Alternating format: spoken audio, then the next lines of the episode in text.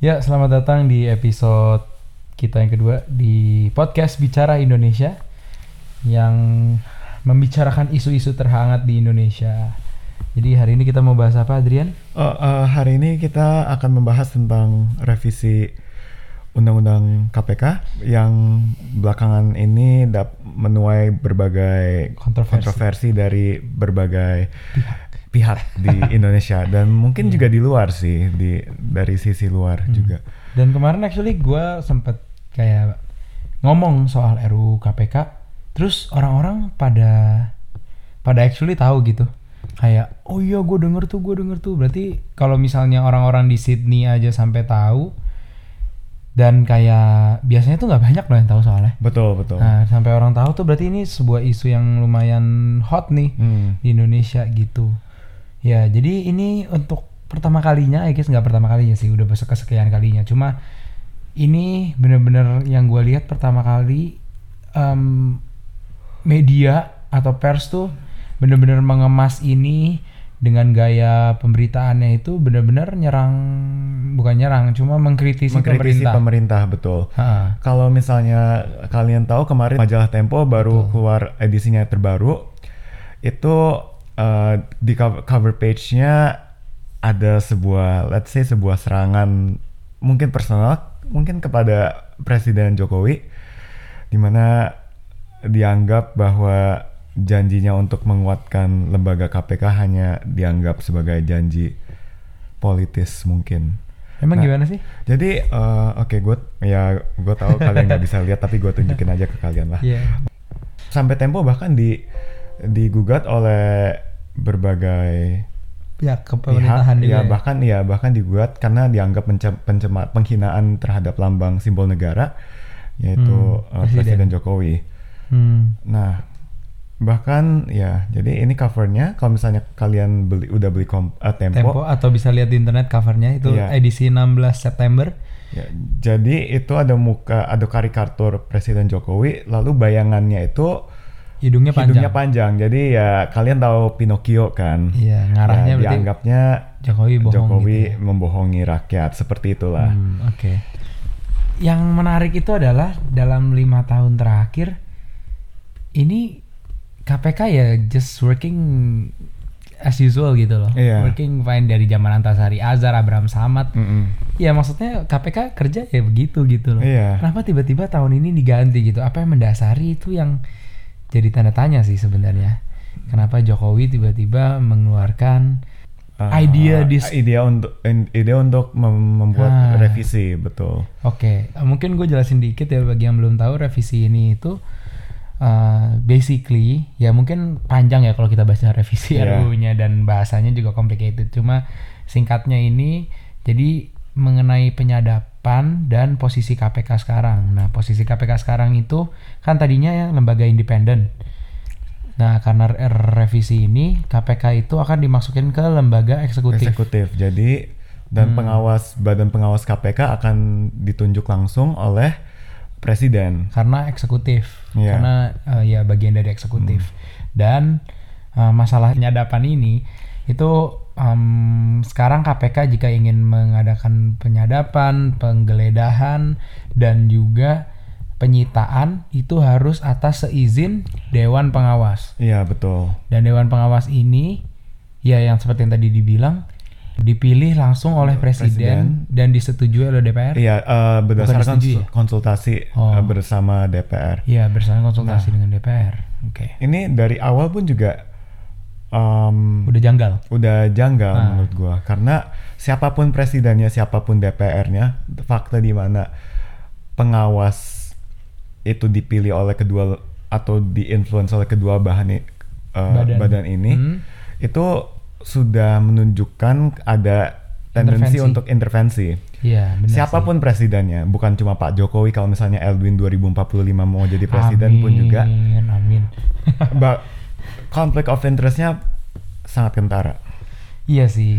Dan mungkin in a way gue ngerti kenapa isu penyadapan akan diserahkan atau pokoknya diserahkan oleh badan pengawas karena uh, salah satu uh, apa ya kritis salah satu komen mengenai penyadapan Hmm. KPK adalah KPK itu asal nyadap aja tanpa memikirkan hak asasi Oh, man- jadi- manusia mengarah ke penyalahgunaan. penyalahgunaan betul Oh, tetapi oke, oke. Hah. jujur ya walaupun ini kedengaran mungkin agak keras tapi penyadapan operasi tangkap ta- tang- tangkap tangan. tangkap tangan OTT ini Hmm. adalah hal-hal yang membuat apa ya kasus-kasus besar KPK ka- terungkap gitu ya, ya, terungkap terungkap. gitu Iya, jadi kalau misalnya ini dan actually satu kali 24 jam loh itu. iya betul Badan pengawas tuh bisa menyetujui dalam jangka waktu satu, kali kali 24, 24 jam. jam.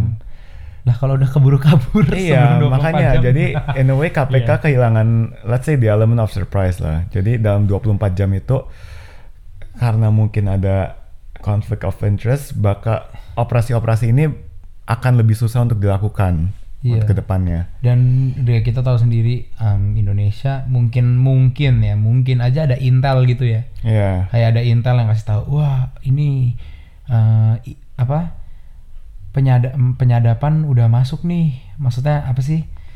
Idea mau nyadap udah masuk nih. Mendingan for the next 24 hours jangan ngomong macam-macam misal-misal doang. Iya. Nah kayak gitu-gitu kan yang sebenarnya yang jadi problem kan bisa aja jadi orang kalau ada intel atau ada orang dalam udah bakal lolos nih. Ya tapi oke lah seandainya memang tujuan awalnya benar-benar mau menjunjung hak asasi manusia dan privacy pembentukan eh, dewan pengawas ini yang dipilih langsung oleh presiden ini ya seperti yang tadi udah dibilang janggal ya Sangat janggal. Heeh, konflik of interest banget gitu kayak eh, kenapa harus presiden yang buat gitu seakan-akan kok KPK sekarang di bawah kan KPK kalau mau ngadain OTT atau tangkap eh, atau penyadapan berarti kan harus izin dewan pengawas dan dewan pengawas ini dibuat oleh presiden kok jadi sekarang kesannya KPK itu di bawah presiden harus tunduk sama presiden ya Betul. iya kan Dan mungkin yang kita harus soroti bukan cuma revisinya sendiri, tapi Hmm. waktu dan cepat the the amount of time di mana RU ini di- disahkan oleh pemerintah. Hmm. Lo tau nggak dari awal diajukan sampai disahkan itu hanya 12 hari, 12 12 hari. padahal ini kayak a major change Oh ya. iya, padahal ini lumayan major change. Dari kasarnya itu dari DPR dari eksekutif jadi maksudnya ngerti kan? Itu that big of a change gitu. Sama penambahan-penambahan ini yang mungkin dianggap melemahkan itu bukan masalah kecil. Dan yang bikin gua lumayan terkejut juga dari saat dari pertama kali diusulkan sampai disahkan disahkan Presiden Jokowi yang tidak pernah kete- bertemu dengan pimpinan KPK. Oh, Ya, oke. Jadi in a way kayak KPK itu tidak se well informed rekan-rekannya mungkin yang dari DPR dan Polri. Oke. Nah. Haha. Eh, terus ditanya, waktu ditanya eh, istana mengatakan bahwa presiden eh, lagi sibuk, kasarnya seperti itulah, banyak urusan. Hmm. Mungkin urusan seperti kebakaran hutan. Seperti yang kita sudah bahas di episode pertama. Betul betul. Kebakaran hutan. Oke. Nah. Tapi em, oke. Mungkin ada pemberitaan yang ngomong kayak gitu atau presiden tidak bertemu secara langsung. Betul. Cuma Menteri Hukum dan HAM, Bapak Yasona Lauli actually ngomong bahwa pimpinan KPK yang sebelumnya dia udah diundang loh. Diundang Sebelumnya- untuk untuk dialog gitu. Cuma ya mungkin nggak langsung ketemu dengan Betul, presiden. betul. Tapi ya dengan Bapak Yasona Lauli ini gitu. Make sense, make sense. Nah, jadi sebenarnya kita juga nggak tahu ini uh, KPK, KPK pimpinan KPK yang sekarang udah completely agree atau belum dengan uh, per, per revisi undang-undangnya atau sebenarnya ada pemaksaannya gitu. Soalnya kita ngelihat uh, gimana ya? Masa iya gitu pemerintah buat buat kebijakan Hmm? DPR setuju dan DPR tuh jumlahnya ratusan. Iya. Pemerintah setuju, DPR setuju, pimpinan KPK setuju. Tapi rakyat dan pers memberitakan sebaliknya bahwa kayak nggak setuju gitu Betul, loh. betul. Ini aneh kan? DPR aja namanya Dewan Perwakilan Rakyat. Rakyat. Tapi gimana pimpin tiga pimpinan ini aja setuju, tapi rakyatnya nggak setuju, Iya. sem- bukan nggak setuju semua, ada yang setuju juga sih. Cuma maksudnya banyak yang nggak setuju sampai ada demo, ada apa gitu. Kayak. Iya cukup cukup aneh gitu loh. Jadi dari sebenarnya dari namanya Dewan Perwakilan Rakyat, rakyat manakah yang diwakilkan? Waduh, Waduh. waduh. Mari kita berhenti di situ saja sebelum Adrian dituntut oleh KUHP. Iya nih, ntar lu masuk penjara, gue bayarin sendiri ya, lu jangan jangan ngomong aneh-aneh lu. betul betul. Enggak lah, ya intinya gitu sih dan em, ya gimana nih? Opini lu gimana nih soal soal ini? Kan dari tadi kita cuma bacain opini orang dan segala Ah, macam. menurut gua ini in a way sebuah sebuah sebuah blunder mungkin dari pemerintah. Hmm, oke. Eh, karena seperti yang tadi gue bilang walaupun ya gue bilang mungkin kasar kayak Dewan Perwakilan Rakyat rakyat manakah yang diwakilkan? Hmm. tetapi memang aspirasi atau salah satu hal kenapa Pak Jokowi ketika itu disupport oleh berbagai elemen masyarakat adalah karena ya beliau datang sebagai presiden yang mewakili aspirasi rakyat yang menginginkan Indonesia bersih dari korupsi. Bahkan ya dari awal sampai sekarang dia pun juga mengatakan bahwa KPK harus dikuatkan. Tetapi menurut pakar-pakar orang dan menurut gua sendiri dengan kasarnya ke intervensi dalam bentuk penunjukan badan pengawas KPK itu tidak akan it won't do anyone any favor gitu Hmm. presiden eh, KPK pun juga akan kehilangan independensinya. Ya. Lalu ya penangkapan-penangkapan seperti let's say Bang Senturi dan kawan-kawan bakal lebih susah menurut gua sih. Hmm. Di mana masa-masa ya masa-masa politisi dan siapa pun digeret ditangkap KPK itu masa-masa itu menurut gua bakal susah lah. Nah, Bas, hmm? eh, kan lu sempat actually ngomong ke gue kayak eh, tadi tadi pagi I guess ya. Itu lu sempat ngomong kayak ada ada pollingnya itu loh yang Iya, setuju jadi setuju itu. betul. Jadi eh, gua tadi eh, baca dari Litbang Kompas, Ya. eh, penelitian ya Litbang Kompas, mereka bilang kalau kira sekitar 47% rakyat setuju akan revisi KPK. Oke. 30% mengatakan ti- sangat tidak setuju, sisanya tidak tahu tentang ya Oke. keberadaan Sebenarnya RUU. lumayan telak loh 4730. Iya, 4730 makanya. Dan ya kita nggak tahu sih sampel size-nya berapa. size-nya berapa. Confidence interval. Wah. Waduh, waduh, waduh, waduh, stop, waduh. stop. Stop, stop, stop. Aduh, itu udah mulai tidak baik, tidak baik. Oke, em, iya, jadi kayak kok bisa lumayan jauh ya dan ya berarti rakyat sebenarnya banyak yang setuju dong. Ya, maaf, 45 persen, eh, se- maaf, sebenarnya tidak terlalu telak sih. Jadi 45 persen publik dukung revisi UU KPK dan 40 persen menolak. Oh, jadi cuma 5%. 5 persen. Oke. Tapi yang oke yang bikin bingung itu adalah kenapa pers tuh memberitakannya seolah-olah ini adalah sebuah blunder gitu, sebuah janji politik yang di di diingkari gitu. Padahal ya banyak juga yang setuju. Iya, ternyata banyak juga yang Uh-uh. setuju. Ya, ya ini oke. Mungkin opini gue ya soal hal ini ya. Ya. Oh, gue dari awal di idea of KPK jadi lembaga eksekutif itu udah gue udah nggak setuju sih. Hmm. Soalnya KPK as it is aja sebagai lembaga independen aja itu tuh udah bagus, udah nangkep-nangkep banyak koruptor, banyak kasus gitu loh. Kenapa perlu ada kayak kenapa ada perlu ada changes gitu? Biasa kan changes Iya. dibuat ketika ketika ada problem atau ketika mau meningkatkan kinerja gitu loh. Tapi gue nggak nggak lihat di mana pemerintah pemerintah eksekutif terutama lembaga eksekutif dan ya maksudnya yang mencetuskan ide ini tuh gue nggak lihat di mana ide ini tuh memperkuat KPK gitu. Betul. Iya, cuma mungkin mungkin ya gue mau mencoba dari sudut pandang mereka ya. Mungkin ingin lebih meluruskan jalan KPK dalam arti biar nggak ada penyelewengan penggunaan Betul. penyadapan atau apa, tapi nggak memperkuat posisi KPK gitu loh. Betul. Karena eh, ada salah satu komen yang gue baca Hmm? itu seakan-akan KPK itu Tuhan. KPK selalu benar gitu loh. Oke. Dan mungkin ya gua gua ngerti maksud lo dan ya setelah dipikir-pikir mungkin benar kayak alasan apa revisi ini diajukan itu karena untuk supaya KPK tahu eh, biar nggak ke mana-mana lah bener, biar nggak ada penyelewengan. Hmm. Tetapi eh, revisi ini tidak, it's not gonna do anyone any favor dalam artian eh, kasarnya gimana ya? Tid- ya itu malah melamahkan lah kasarnya gitulah. Dan mungkin gue juga mau apa ya mau melihat dari kacamata rakyat gitu ya. Hmm. Kan rakyat juga bingung gitu loh. Kenapa lo eh, Presiden Jokowi kok kok ini ya? Kok bikin bikin KPK jadi kayak gitu ya? Jadi Iya. kayak kesannya di bawah Jokowi. Apakah apakah Jokowi punya kepentingan-kepentingan khusus gitu?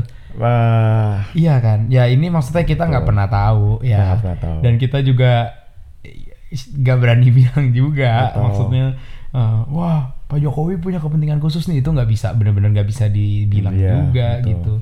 Cuma ya mungkin rakyat tuh mempertanyakan gitu loh. Kenapa nih Pak Jokowi kok kayak gini? Apakah eh, Pak Jokowi punya kepentingan khusus untuk supaya eh, lembaga eksekutif dalam tanda tanda kutip wah ini kontroversial sekali ya cuma Iya, iya. apakah Pak Jokowi mau korupsi nih Eh, atau- supaya KPK nggak bisa tangkap dia gitu mungkin ya kasarnya seperti itu ya. Bentar Iya. lagi kita ditangkap oleh itu sih. Enggak enggak this is kita cuma mau apa ya cuma mau menerjemahkan mungkin apa yang ada di otak-otak iya ada di otak-otak ada yang di otak masyarakat gitu loh Betul. Eh, gimana Atau masyarakat mungkin- melihat kebijakan ini Atau mungkin ini revisinya adalah titipan dari hmm dari mungkin oknum-oknum yang ada di DPR, di Iya. lembaga eksekutif yang lain seperti kementerian iya gitu-gitu. Ya mudah-mudahan tidak seperti itu. ya mudah-mudahan ini emang tujuannya baik dan benar-benar menjunjung hak asasi manusia Betul. Betul sekali. Dan ya em, mungkin dan mungkin ya em, ini ya ada satu hal lagi tentang eh, kepala KPK yang baru nih. Jadi baru aja diangkat bukan eh di bukan diangkat sih actually. Di Udah diresmikan belum ya? Eh, sudah, sudah. Udah diresmikan. Sudah. Oh iya, oke udah diresmikan. Jadi kemarin prosesinya itu dipilih 56 anggota DPR, I guess. Iya. Berapa ya? Berapa berapa Oh iya benar, 50 proses voting dilakukan ini langsung dari CNN Indonesia ya. CNN Indonesia Em, berita tentang pemilihan ketua baru KPK hari Jumat tanggal 13 September.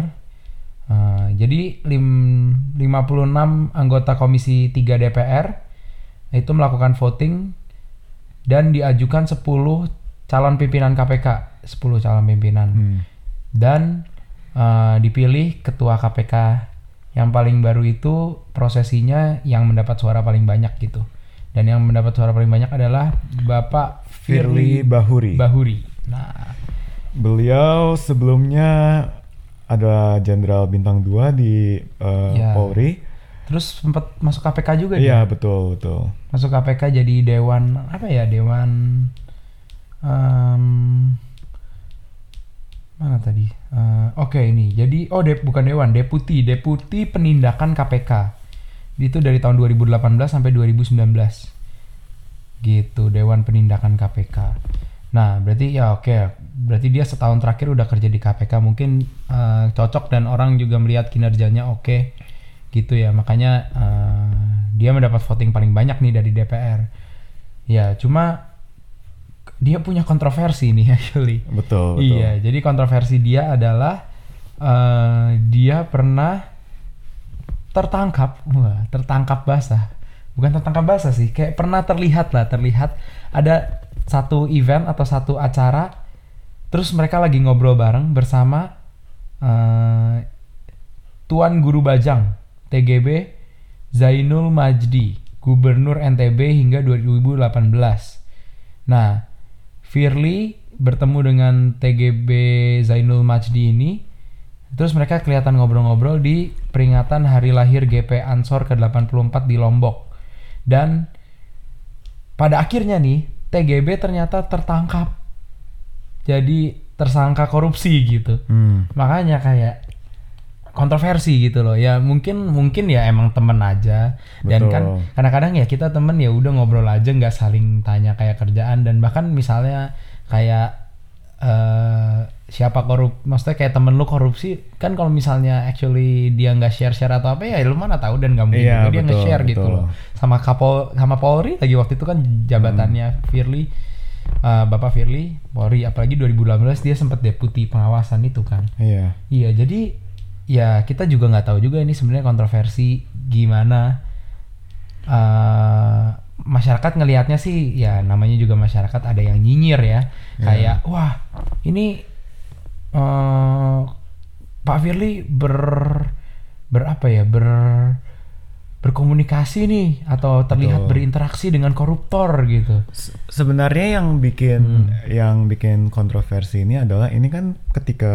beliau sedang menjadi deputi Pengawasan. pengawas eh, di KPK Ah. itu ketika itu eh, siapa gubernur eh, NTB ini oh, bukan deputi pengawasan, mohon maaf, penindakan. penindakan tuh Iya. saat itu kayak beliau bertemu dengan gubernur NTB Tuan Guru Bajang Zainul Majdi Hmm? Eh, ketika KPK sedang menginvestigasi tentang dugaan Pak Gubernur Oh, eh, jadi di- itu lagi investigasi. jadi lagi investigasi terus Pak V Pak Bahuri bertemu dengan Pak Gubernur Oh. dan hal ini tidak dilaporkan kepada KPK maka dari itu ada sidang kode etik Oh iya. jadi iya, itu iya. yang mungkin dianggap sebagai Hmm, kontroversinya. kontroversi mungkin Ya. ada time Pak Bahuri bertemu eh, Pak Gubernur sebagai teman kapasitasnya sebagai teman tapi entah kenapa dia tidak melaporkan hal itu kepada KPK Oh, walaupun karena waktu ketemunya pas lagi investigasi mungkin bisa ada bisa ada yang dikompromis gitu Hmm. data-datanya atau apa hasil investigasinya mungkin Iya. Nah ini menurut gua ya inilah alasan apa Mempertanyakan iya, masyarakat benar. mempertanyakan gitu. Iya, ya. bahkan dipertanyakan juga oleh ya pegawai pegawai KPK. Iya. Banyak yang menolak untuk menolak beliau untuk menjadi Hmm. ketua yang baru. Ya sebenarnya kalau gue lihat kayak gitu ya ternyata eh udah masuk proses investigasi ya. Ya Hmm. emang itu pelanggaran kode etik sih. Betul. Harusnya nggak boleh berinteraksi. Apalagi sih. ketika itu eh, Pak Bahuri sedang menjadi direktur direktur apa ya? Eh, eh, de- eh, apa ya? Kok enggak ada sih? Oh, deputi penindakan KPK. Yaitu lu kaget gue ngomong direktur-direktur gue kayak oh gila nih orang jabatannya banyak banget nih. Iya. Iya. enggak ketika menjadi deputi penindakan menurut gue itu sebuah jabatan yang lumayan Iya, tinggi Strategis dan ya. strategis ya benar sih. dalam artian ya investigasi sebuah kasus korupsi. Heeh. Nah, Iya, nah makanya nih kalau di DPR 56 dari 56 anggota DPR Komisi 3 ternyata voting terbanyaknya itu memilih Pak Firly Bahuri ini. hmm. Wah, ini masyarakat juga mempertanyakan dan nih. dan eh, revisi revisi UU KPK ini baru dikeluarkan tidak lama setelah Pak Bahuri ditunjuk sebagai atau dipilih sebagai ketua KPK. Hmm. Nah, itu yang mungkin bikin masyarakat seperti gua agak let's say agak skeptis lah tentang alasan sebenarnya di balik Iya, revisi ini. Betul. Maksudnya kayak bertubi-tubi gitu ya, Iya. kayak wah, pimpinan baru KPK naik seolah-olah dengan pimpinan yang baru ini RUU KPK akan lebih diterima gitu ya. Iya betul. Ah, Lalu ah, ya udah sudah begitu mereka 12 hari Hmm. dari revisi ini diajukan sampai eh, disahkan. Ya jujur gue baru tahu DPR kita seefisien itu sih.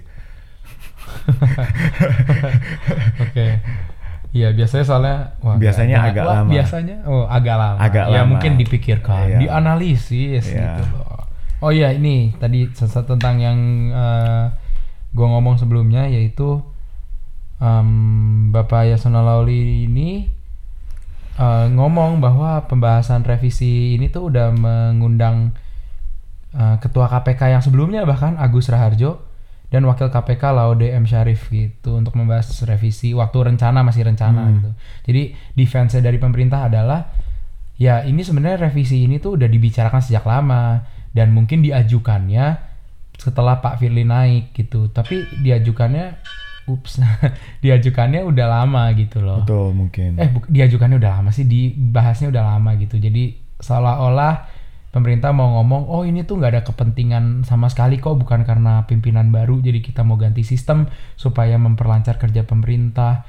Dalam arti memperlancar kerja tanda kutip kerja ya, maksudnya kayak memperlancar tindak-tindak yang tidak diinginkan masyarakat gitu. Cuma ya ini udah di emang udah udah dibicarakan lama gitu loh. Betul, betul. Iya, ya ya sebenarnya kita cuma mau berharap agar KPK tetap kuat ya, tetap bisa Hmm. Uh, berwenang penuh untuk menangkap orang-orang dan uh, yang melakukan korupsi of course. Dan ya tetap kuatlah posisinya di Indonesia untuk memberantas korupsi.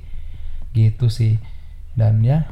Ya, eh, saya rasa itu saja dari gua. gue Eh, juga ya berharap aja sih pemerintah juga mendengarkan mendengarkan kita aspirasi rakyat. mendengarkan podcast ini wow, Wow. ya mendengarkan aspirasi rakyat terus juga bisa butuh penjelasan ya actually ya masyarakat Betul, ya iya. kenapa sih gitu Kenapa? Menurut karena menurut gua dari dari awal, oke mungkin menurut gua kedengaran sedikit janggal sih menurut gua. Hmm, Dari kenapa steps ini yang harus diambil? Kenapa langkah-langkah ini yang menurut pemerintah yang terbaik? hmm, Karena ingat pemerintah itu dipilih oleh rakyat dan mengemban amanah rakyat. hmm, DPR juga. ya ya gue sih cuma berharap aja kan mereka actually udah rapatin ini Mm-mm. udah mikirin ini udah ya selama 12 hari itu ya dirapatin dan dipikirkan Betul. lalu akhirnya disahkan semoga emang benar-benar mereka memikirkan dengan hikmat Uh-uh. dan dengan pemikiran dan objektif. objektif dan dengan pemikiran bahwa ini akan mendukung rakyat gitu ya semoga memang ya uh, RUU KPK ini benar-benar nampak positif impactnya dan ya kita cuma pengen uh, pemerintah tetap memperhatikan KPK sebagai lembaga yang um, kuat lembaga yang berwenang penuh untuk menangani tindak korupsi. Betul. Oke, sekian. Waduh, ini lumayan panjang ya, Iya, tapi ya, hampir 30 menit ya, tapi sekian eh, podcast. podcast episode 2 tentang RUU KPK. KPK. Mantap sekali. Ya. Oke, see you di podcast ketiga. Jangan lupa eh, follow podcast ini Bicara Indonesia dan see you di episode 3.